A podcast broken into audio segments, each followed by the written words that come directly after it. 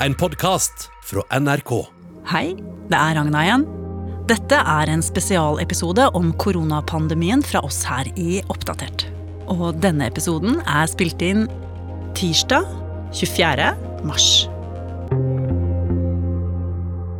Hei, det her er Katrine Nybø i Oppdatert. Er du en av de som har sett ekstra mye på streamingtjenester i det siste? Da er du i så fall ikke alene.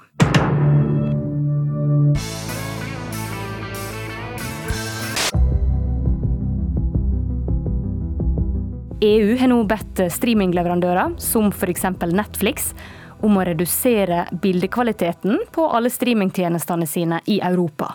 Dette gjør EU fordi CNN meldte før helga om at belastninga på internettet i USA nå er faretruende stort. Så nå har Disney, Netflix, Apple, Amazon, Facebook, YouTube og Instagram redusert kvaliteten på videoene sine teknologijournalist eh, i NRK, Ståle Grute, du som skal forklare det her for oss. Hva er det som har skjedd i USA som gjør at EU nå tar grep i Europa? Nei, altså Det er jo egentlig det samme som har skjedd i Norge og i Europa. At nå er det veldig mange folk som f.eks. sitter hjemme og bruker mye internett. Og bruker internett på en litt annen måte enn det man kanskje er vant til. Og dermed så har trafikken økt. da. Og da melder CNN at det, det at dette har skjedd noe i USA, det har fått EU for eksempel, til å, å ta noen grep. da. Men er det likt i USA og Europa? For jeg tenker jo at Her er vi så mange ulike land, og vi har veldig bra internett. Eller kan vi se samme tendensen?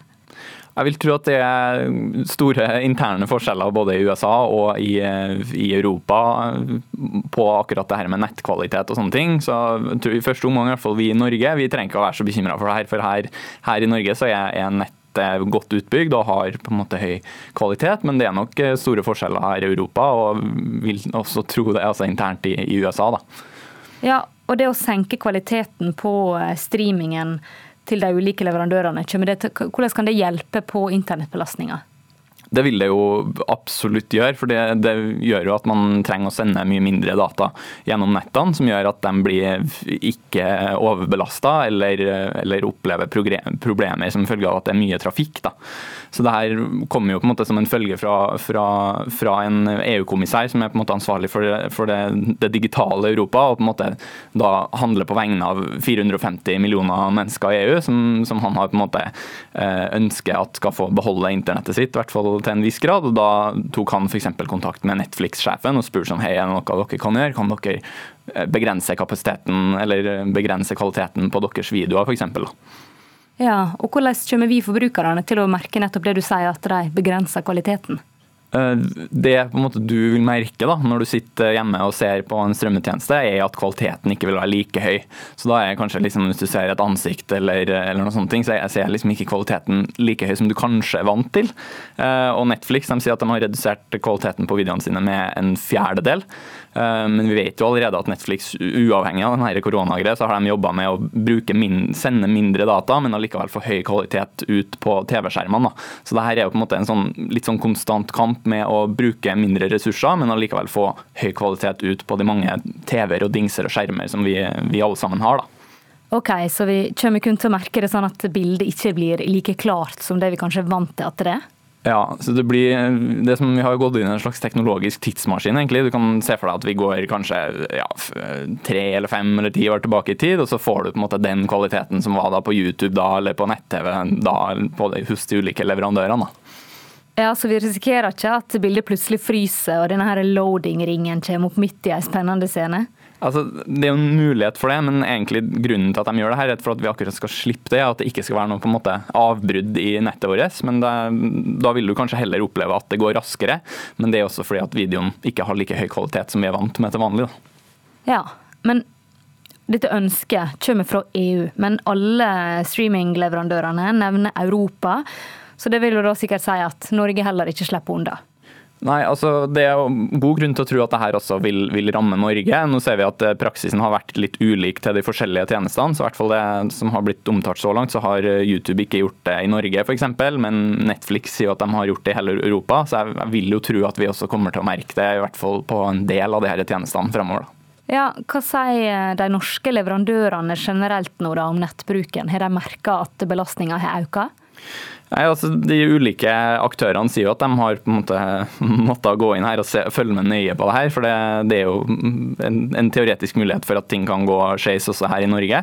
Eh, men foreløpig så, så i hvert fall tall fra de, liksom, de, de uavhengige liksom, knutepunktene i Norge eh, sier at trafikken har gått opp med ca. 30% og at det på en måte er innafor noe som man foreløpig i hvert fall tåler godt. Da. og Telenor sier jo på en måte at de har, de har tatt forholdsregler og sier at det skal gå bra. hvert fall eh, foreløpig her i Norge.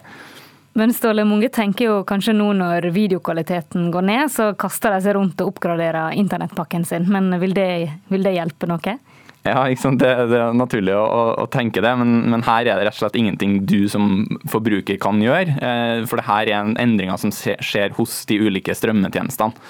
Eh, så de vil på en måte som standard tilby lavere kvalitet på videoen, men så vil jeg tro at enkelte, altså hvis man ønsker det, så kan du også gå inn på eh, innstillingene på denne avspilleren og be om høyere kvalitet, da, hvis du vil gjøre det. Men så kan man jo kanskje være solidarisk og tenke at nå, nå ser vi med litt dårligere kvalitet alle sammen her, så er vi sikre på at i hvert fall internettet varer mye lenger. da.